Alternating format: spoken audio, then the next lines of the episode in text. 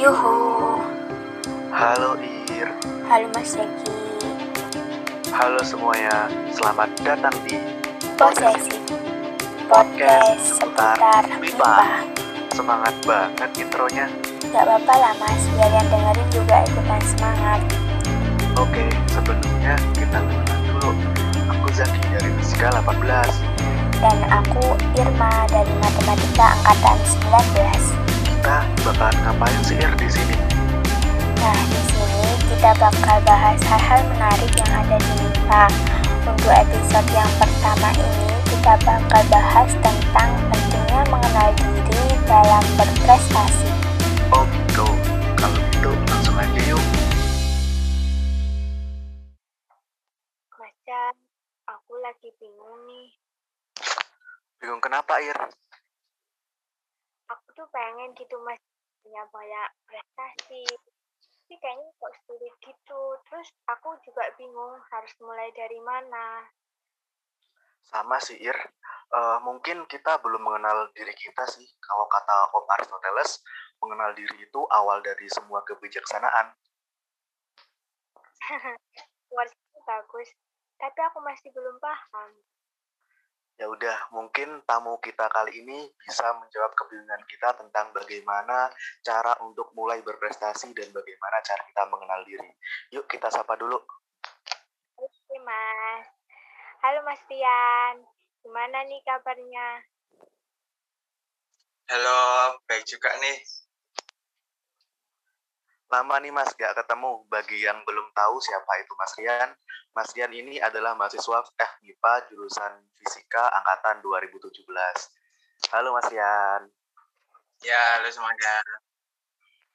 Dan Mas Tian ini juga mantan Presiden BEM FMIPA tahun 2020 dan sebagai Duta Kampus Universitas Jember. Keren banget nggak sih? Oke, sebelum masuk ke bahasan utama kita tentang mengenal diri, eh, mungkin Mas Rian bisa cerita sedikit tentang pengalaman kuliah yang udah dialami selama empat tahun ini. Yuk Mas, cerita dulu sedikit gitu. Ya, ya, baik-baik. Eh, pengalaman kuliah sih banyak banget ya. Karena kuliah itu kan merupakan jenjang yang kita dari SMA ke dunia luar yang lebih.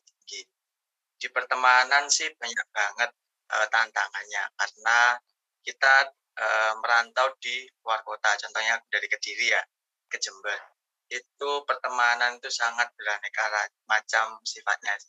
Karena kalau misalkan di Kediri itu kita sudah kenal sama-sama budayanya juga sama, bahasanya sama, cuman kalau kita di Jember itu mengenal budaya baru, sifat baru, terus eh, kebiasaan yang baru sehingga kita dituntut untuk lebih adaptasi kepada teman-teman yang baru. Dan juga di perkuliahan itu eh, sangat banyak sekali tantangan selain di pertemanan. Seperti contohnya aja kegiatan atau kebiasaan di perkuliahan itu tiba-tiba saja yang biasa di SMA itu kita banyak sekali PR, banyak satu lembar, dua lembar. Tiba-tiba di perkuliahan kita dituntut banyak sekali tugas-tugas. Belum tugas mata kuliah tetap muka, belum tugas mata kuliah yang praktikum. Itu pun eh, terkadang kita harus memiliki sikap proaktif yang tinggi. Karena sekalipun kita tidak mengumpulkan tugas, dosen tersebut juga tidak akan menagihnya. Sehingga kita harus benar-benar lebih memahami dan disiplin dalam manajemen waktu serta manajemen diri kita. Sampai mana sih kemampuan kita seperti itu. Nah, terus gimana sih Mas awal mulanya eh, buat Mas Tian itu keinginan buat jadi presiden maupun jadi duta kampus? Oh iya. Eh, untuk yang pertama di BEM dulu ya, karena sudah dari maba, mahasiswa baru, aku ikut magangnya BEM FMIPA tahun 2019. Nah, itu eh, di 2020 akhirnya setelah ikut magang ternyata asik, sesuai dengan passion juga, sehingga memutuskan untuk ikut di staff di bagian hubungan luar BEM FMIPA 2000 eh, sekitar 2019 kayaknya. Nah, jadi magangnya itu 2018, terus ikut BEM-nya pertama kali di 2019. Lalu tiba-tiba uh, punya keinginan lagi sebagai seorang pemimpin sehingga di 2020 diamanai sebagai presiden BEM. Ya awalnya hanya mencoba sih, mencoba hal baru, tapi lama-lama juga ketagihan. Lalu untuk yang duta kampusnya itu sama juga mencoba hal baru, tapi ternyata sesuai passion sehingga uh, tidak terasa capeknya karena itu adalah suatu kesenangan sehingga tiba-tiba saja juga diamanai sebagai duta kampus Universitas Jember tahun 2019 seperti itu. Oke mas, tadi kan uh, mas sedikit menyinggung tentang itu kuliah yang banyak tugas dan sebagainya itu. Nah, terus di situ Kak Samen juga disibukkan dengan kegiatan seperti presiden BEM sama duta kan duta kampus. Nah, itu gimana sih mas rasanya dengan kesibukan yang bertiga kesibukan yang berbeda, terus pasti sulit banget untuk membagi waktu. Mungkin gimana sih cara mas dulu membagi waktu sama rasanya itu kayak gimana sih berat atau kayak gimana gitu? Ya, ya. Uh, yang pasti berat banget ya, karena di jurusan FMIPA, eh, di jurusan Fisika Fakultas FMIPA itu ada yang namanya praktikum, ada yang namanya tatap sehingga dua hal tersebut merupakan suatu hal yang penting untuk diutamakan. Nah, karena sudah diamanai menjadi Presiden BMF MIPA dan juga Duta Kampus, pasti membagi waktu sangatlah sulit yang penting adalah kita jangan sampai malas itu aja. Karena kuncinya satu, misalkan saja ada tugas. Ya kalau ada tugas, waktu luang segera dikerjakan. Nggak usah menunda-nunda. Karena kita tidak tahu besok itu kegiatannya seperti apa, kesibukan seperti apa. Karena kalau kita menunda-nunda, ya besok mungkin kalau free. Kalau misalkan besok ternyata ada rapat di BEM, terus tiba-tiba ada tugas sebagai duta kampus, wisuda itu, kita kan juga nggak tahu. Sehingga kita manfaatkan waktu luang yang ada sekalipun kita mumpung luangnya banyak, free-nya banyak, lebih baik kan dikerjakan sekarang daripada nanti. Karena mau nggak mau itu kan tugas harus juga dikerjakan. Lebih baik dikerjakan sekarang daripada nanti. Seperti itu sih membaginya waktu. Sehingga kuncinya itu hanyalah jangan sampai malas dan disiplin. Aja. Oke, nah yang aku garis bawah ini kata berat. Pernah sih, pernah nggak sih Mas Rian itu ngerasa berat banget di antara kesibukan-kesibukan yang Mas Rian lakuin dan gimana cara Mas Rian buat mengatasi hal tersebut? Oh ya, berat banget ya, pasti berat banget ya. Uh, untuk mengatasinya itu kita haruslah seimbang ya dalam uh, berkehidupan ini. Ada kalanya kita harus susah, ada kalanya kita harus senang-senang. Ada kalanya kita kita dibela-belain nggak tidur dulu baru bisa menikmati yang namanya hari di kemudian hari. Nah, caranya ya kita harus tahu kapan kita mau susah, kapan kita mau senang. Karena saat kita sudah mengetahui timingnya seperti itu, maka secara nggak langsung berat itu akan diganti yang namanya menjadi kesenangan, kebahagiaan di kemudian hari. Cukup mudah sih. Awalnya mungkin sulit karena kita tidak tahu ya kapan senang, kapan susah. Tapi kalau lama-kelamaan kita belajar cara mencari timingnya yang pas, oh hari ini aku waktunya susah dulu, ya udah kita susahin dulu, besoknya baru kita senang-senang. Jadi beratnya itu nggak selamanya kok. Asalkan kita mau ngelawan malasnya itu. Karena kalau misalkan kita mengabaikan yang namanya berat itu, maka mau nggak mau sudah menjadi hukum alam ya. Kalau misalkan kita susah-susah dahulu, senang-senang kemudian. Kalau senang-senang dahulu, maka susah-susah kemudian. Yang ada tugasnya ketunda, nilainya jelek, akademiknya jelek, dan semuanya keteteran. Seperti itulah. Oke mas, kuasnya bagus banget tuh yang barusan. Oke, kita masuk ke tema utama, Mas. Nah, tadi kan kita di awal tuh, aku sama Irma bingung tuh, gimana cara kita untuk berprestasi, gimana cara kita udah mengenal diri. Nah, tadi sempat Mas singgung tentang passion. Nah, menurut Mas itu uh, mengenal passion atau mengenal diri itu penting nggak sih, Mas? Atau definisi passion itu sebenarnya apa sih, menurut Mas? Oh, ya. Passion mengenal diri itu menurut saya itu penting banget ya karena mengenal diri itu kita sudah hidup bertahun-tahun, berpuluh-puluh tahun, kita harus mengenal diri kita sendiri. Karena kita sebagai manusia itu pasti yang namanya suatu kelebihan itu pasti ada. Kalau kita nggak mengenal diri kita, kita nggak akan tahu apa kelebihan dan apa kekurangan kita. Kalau misalkan kita tidak mengenal diri kita, kita tidak tahu bagaimana cara memanfaatkan kelebihan kita dan bagaimana cara mengatasi kekurangan kita. Uh, menurut saya mengenal diri itu adalah suatu kondisi di mana kita harus mengetahui apa kelebihan kita dan apa kekurangan kita sehingga kita dapat lebih bermanfaat bagi orang lain. Karena kunci dari mengenal diri itu ya kita harus tahu diri kita seperti apa dan butuhnya apa, kegunaannya juga apa. Nah, kan tadi Mas Pian udah jelasin tuh secara lugas apa pentingnya mengenal diri. Kalau menurut Mas Pian sendiri, gimana sih caranya buat kita bisa mengenal diri, buat bisa tahu apa passion kita itu gimana sih Mas menurut Mas?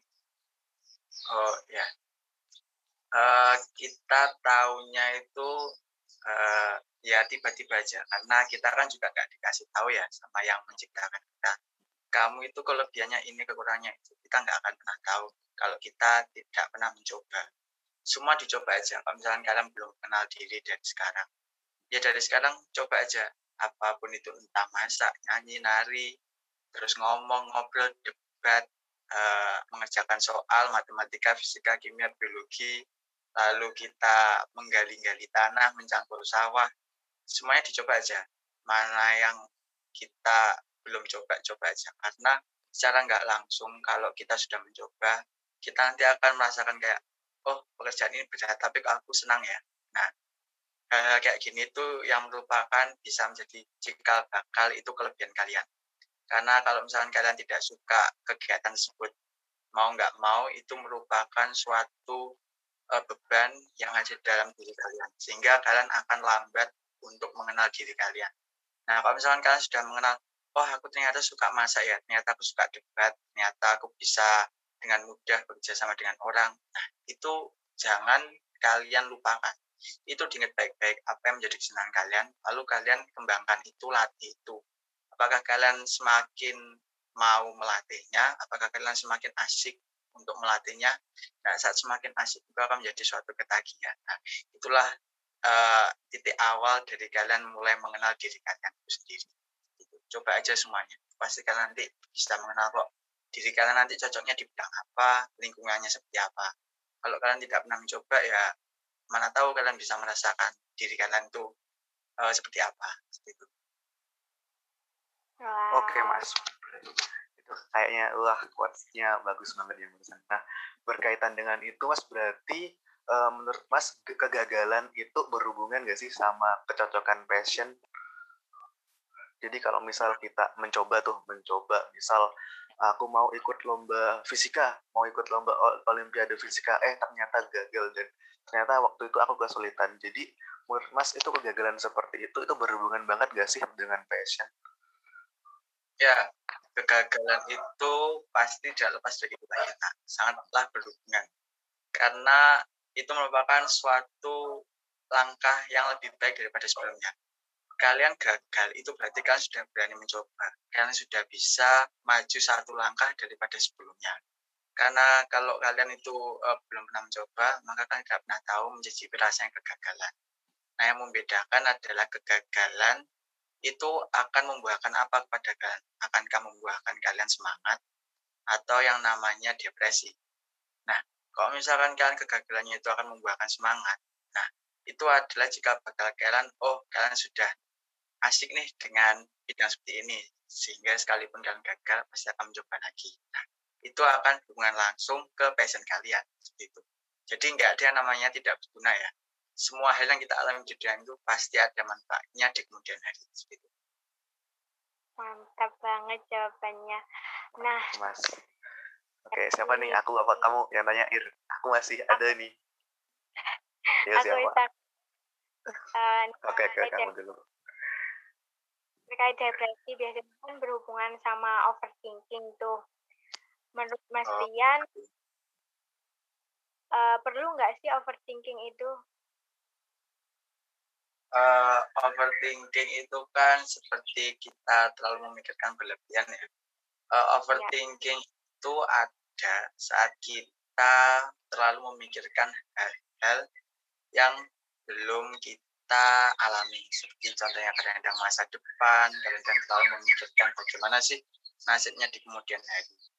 Hal seperti itu perlu, hanya saja tidak boleh berlebihan. Karena kalau kita tidak ada overthinking, kita tidak tahu apa yang perlu kita siapkan dan semangat kita nanti pasti akan kurang.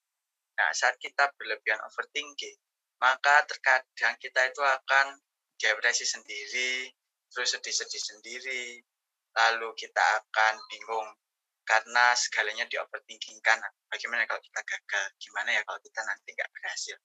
Nah seperti itu uh, tidak boleh dilakukan terus menerus karena akan menyebabkan penurunan kemampuan dan juga penurunan keinginan kita untuk bersikap maju.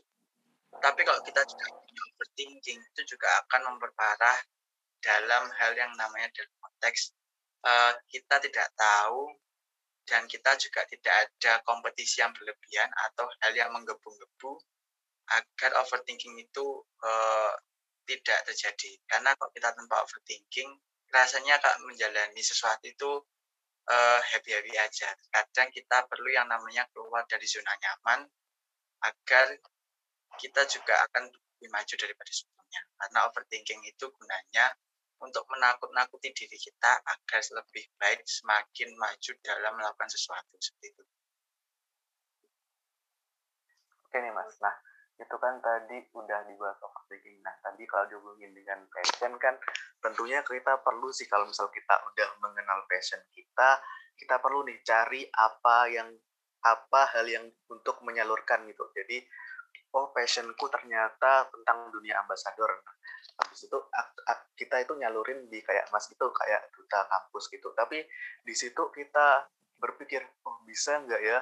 Kok aku kurang kayak gini? Kok gitu? Jadi kita overthinking kayak gitu. Nah itu gimana sih mas cara buat apa nyalurin overthinking kita untuk menjadi hal-hal yang positif atau untuk menjadi penyemangat gitu?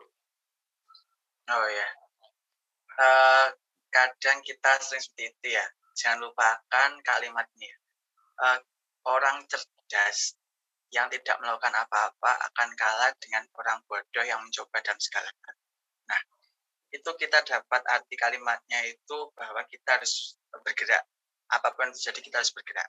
Nah, saat kita overthinking, bergeraklah seperti misalkan, oh aku overthinking apakah itu tidak berhasil dan nanti uh, masa depan aku nggak tahu seperti apa, aku nggak bisa mengenal diri aku seperti apa, apa aku nggak punya kelebihan apa aku nggak punya kelebihan apa pun untuk dimanfaatkan bagi orang lain. Kalau kita diam diri saja overthinking terus kita nggak akan menghasilkan apa-apa. Sehingga kalau misalkan kalian overthinking itu lakukanlah sesuatu hal oh aku nggak tahu apa kelebihanku ya dicoba. Coba hal yang belum pernah dicoba. Nah itu salah satu cara mengalihkan overthinking jadi hal yang positif kalau misalkan oh besok ulanganku bisa nggak ya? Ya belajar. Karena cuma kita diam diri overthinking tapi tidak melakukan sesuatu apa-apa. Seperti itu saya ya. Oke mas, ini kan aku juga udah semester 6 ini mas, sudah waktu-waktunya overthinking, udah mendekati, mendekati, udah ibaratnya udah angkatan tua ini udah ya. mulai overthinkingnya tentang masa depan udah aduh nanti gimana ya kalau udah lulus? Aduh nanti aku mau kerja apa? Nanti aku lanjut apa enggak? Wes seperti itu. Mas mas pernah juga gak sih kayak gitu?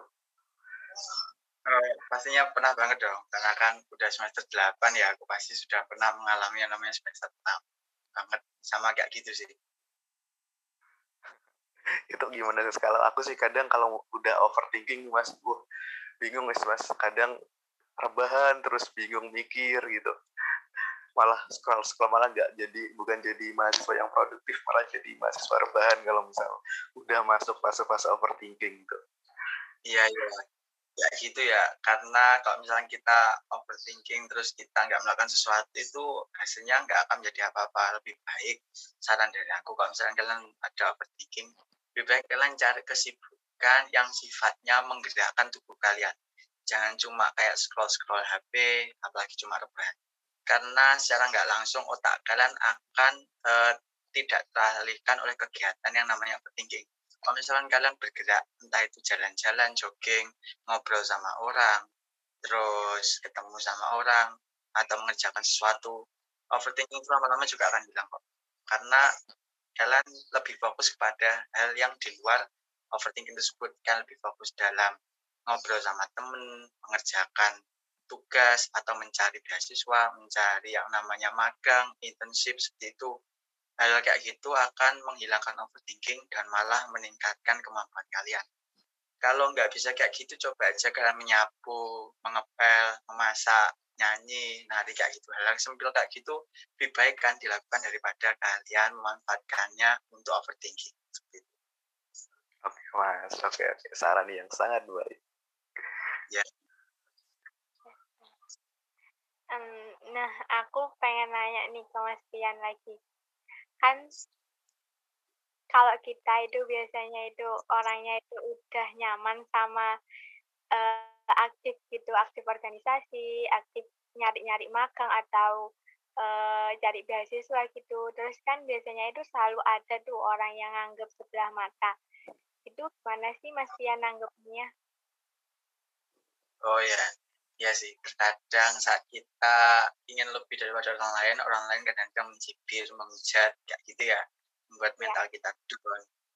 Tapi itu hanyalah sesaat ya. Mungkin kan nanti uh, saat mendengar oh kamu sok-sokan rajin sok-sokan cari-cari magang nggak ada kegiatan apa selain cari-cari magang kayak gitu. Nah, itu kalau dari aku sih biarin aja sih kayak masuk telinga kiri keluar telinga kanan karena mereka mengatakan itu hanya sebentar saja kok jangan sampai kalian terlalu memikirkan hal tersebut karena saat mereka ngomongnya hanya lima detik kalian memikirkannya satu hari dua malam Nah itu yang rugi sendiri itu kalian. Karena mereka niatnya mungkin hanya bercanda, mungkin hanya gurauan, kan siapa tahu. Tetapi kalian memikirkannya terlalu serius. Nah itu mungkin Anda yang salah. Atau mungkin mereka yang iri kepada kalian. Nah terkadang uh, kita sendiri yang down gara-gara itu. Lebih baik kalau misalkan ada orang yang mentalnya uh, membuat mental kita down. Lebih baik ya kita belajar untuk mengabaikan hal-hal tersebut. Karena mumpung kita masih mahasiswa ya, belum di dunia kerja, belum nanti ketemu sama bos, sehingga kita harus menguatkan yang namanya motivasi kita sendiri. Motivasinya apa sih? Kita ingin maju, motivasinya apa sih? Kita ingin lebih baik daripada yang lain. Kembali lagi ke motivasi dan juga kita harus mengenal diri kita. Oh, aku lebih baik di bidang musik kok.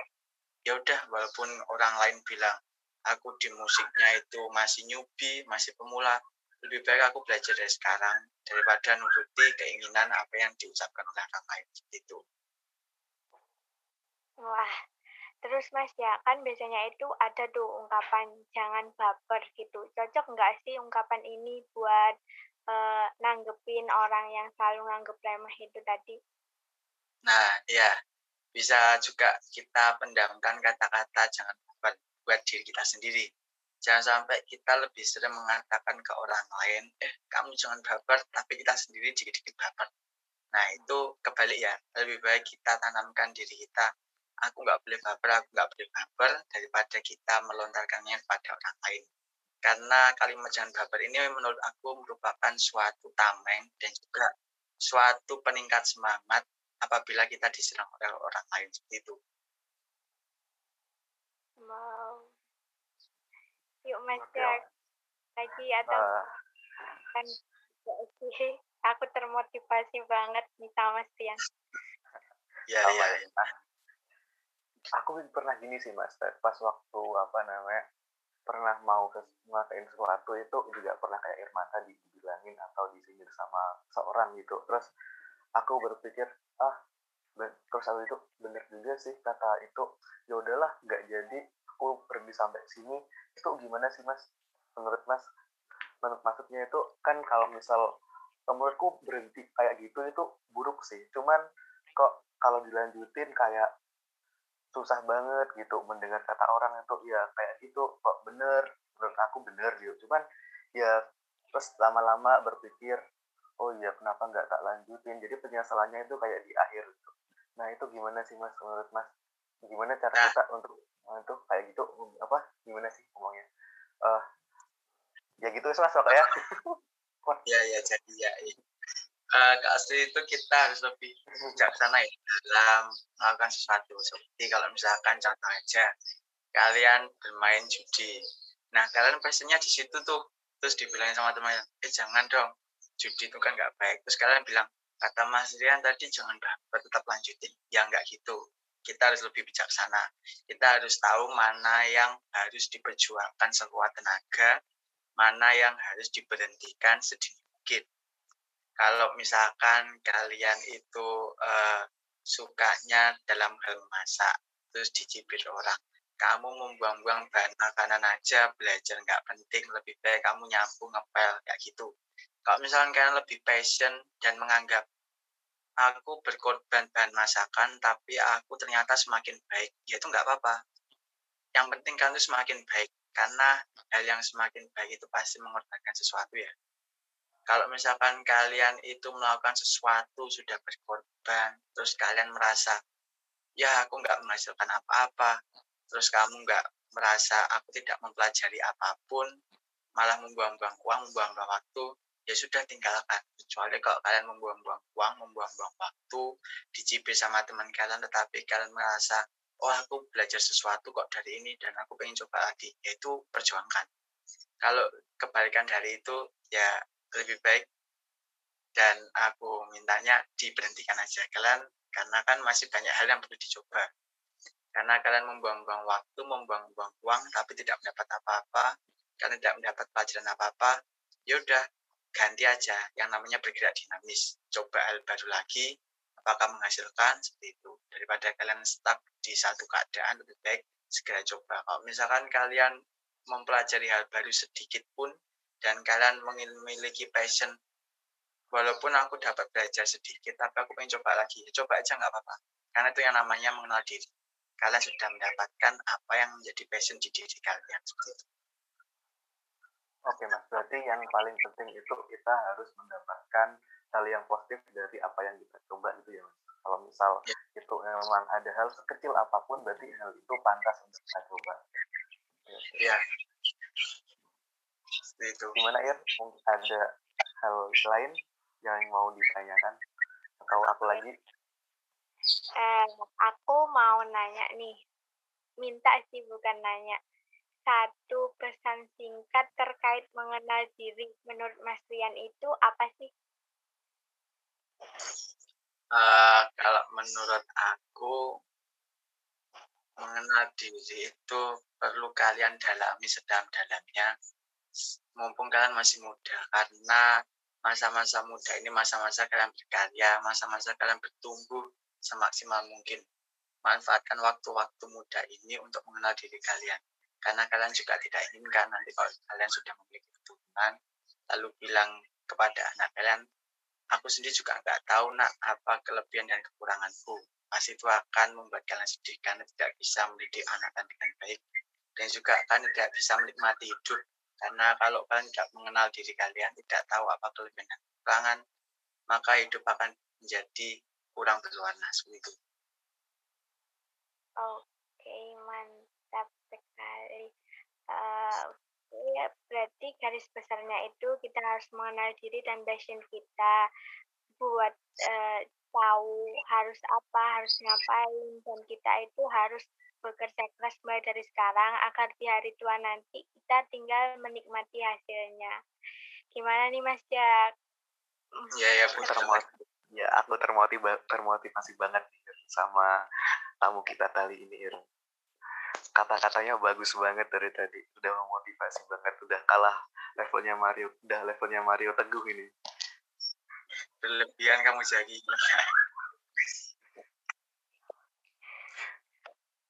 Gimana air? Udah ini ternyata kita udah berbincang cukup lama nih udah sekitar 30 menit.